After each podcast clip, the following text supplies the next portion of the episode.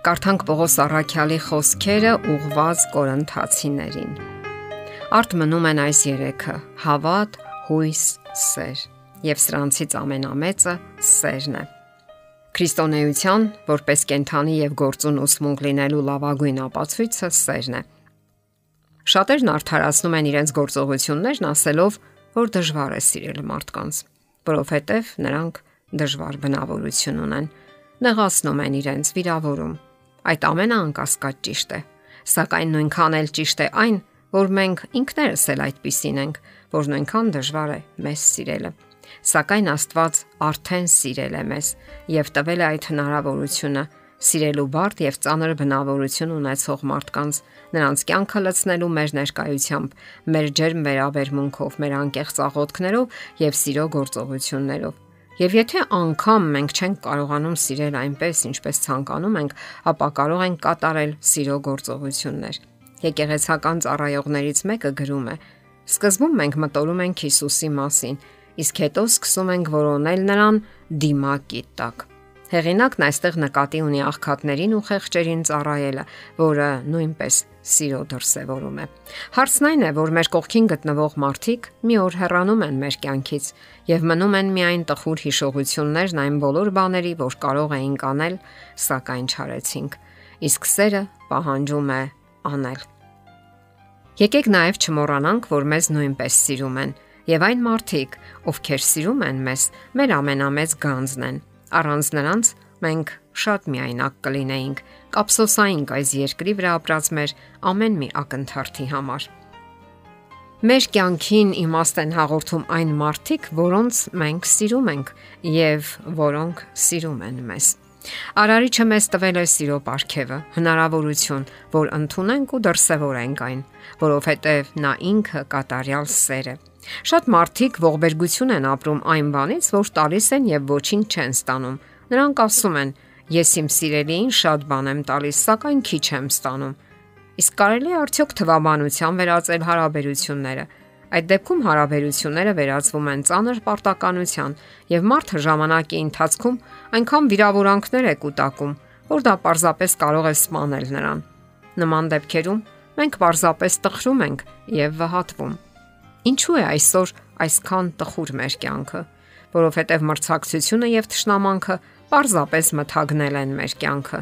մարդկային հարաբերությունները։ Իսկ ահա կարեկցանքը մարդկային բնածին հատկություն է, եւ առանց դրա մենք պարզապես չենք կարող գոյություն ունենալ եւ արագ կվերածվենք անդեմ եւ առանց սիրո մեքենաների, ռոբոտների կամ էլ համակարգիչների։ Իսկ այսօր մենք արդեն մոտենում ենք դրան, նմանվելով համակարգիչներին, Ամեն ինչ հիանալի մշակված ու ծրագրավորված է, որpիսի ազդի մեր այնքան փխրուն եւ խոցելի հոգեբանության վրա։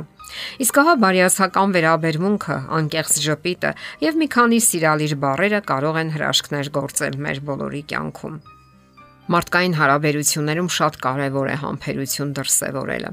Համբերությունը նույնպես սիրո դրսևորում է։ Գիտնականները հետաքրքիր փորձ են կատարել, որին մասնակցել են 4-ամյա երեխաներ։ Յուրաքանչյուր երեխայի տվել են մեկական զեֆիր եւ ասել, որ եթե նրանք սпасեն, մինչեւ իրենց աշխատակիցը վերադառնա, ապա կստանան եւս մեկը։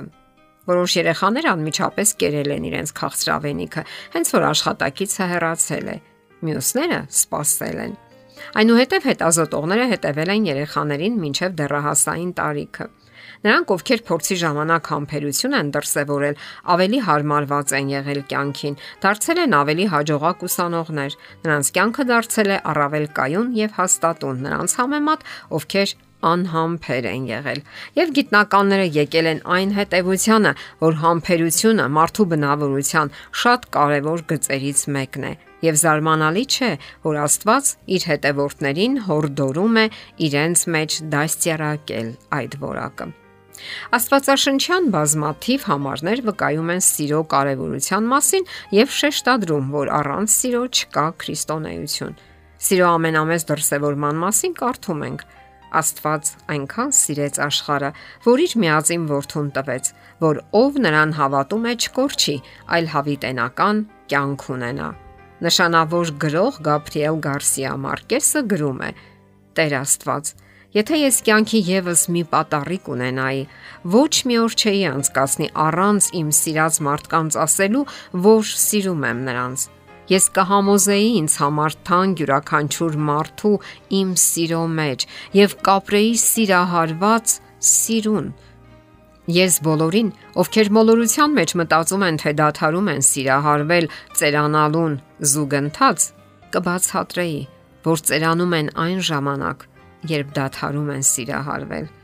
Այսօրը կարող է վերջին օրը լինել, որ դու տեսնում ես սիրելիներիդ, այնպես որ մի սпасիր ինչ որ բանի։ Այսօր արա այն, ինչ մտածել ես, որովհետև եթե վաղը երբեք չգա, դու կապսոսաս այն օրվա համար, երբ ժամանակ չգտար մեկ ժպիտի, մեկ գրկախառնության, մեկ համբույրի համար, երբ դու ճափազանց զբաղված էիր վերջին ցանկությունը իրականացնելու համար։ Իսկ որpիսի կարողանանք դրսևորել այդ սերը, մենք պետք է սնվենք սիրո աղբյուրից Աստծոց։ Այդ մասին է գրում Միջնադարյան Աստվածաբան Թոմաս Ակվինացին։ Տեր իմ Աստված,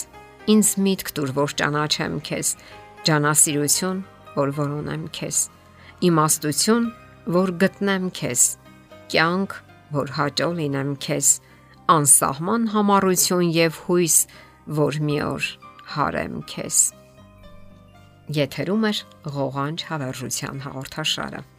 Հարցերի եւ առաջարկությունների համար զանգահարել 033 87 87 87 հեռախոսահամարով։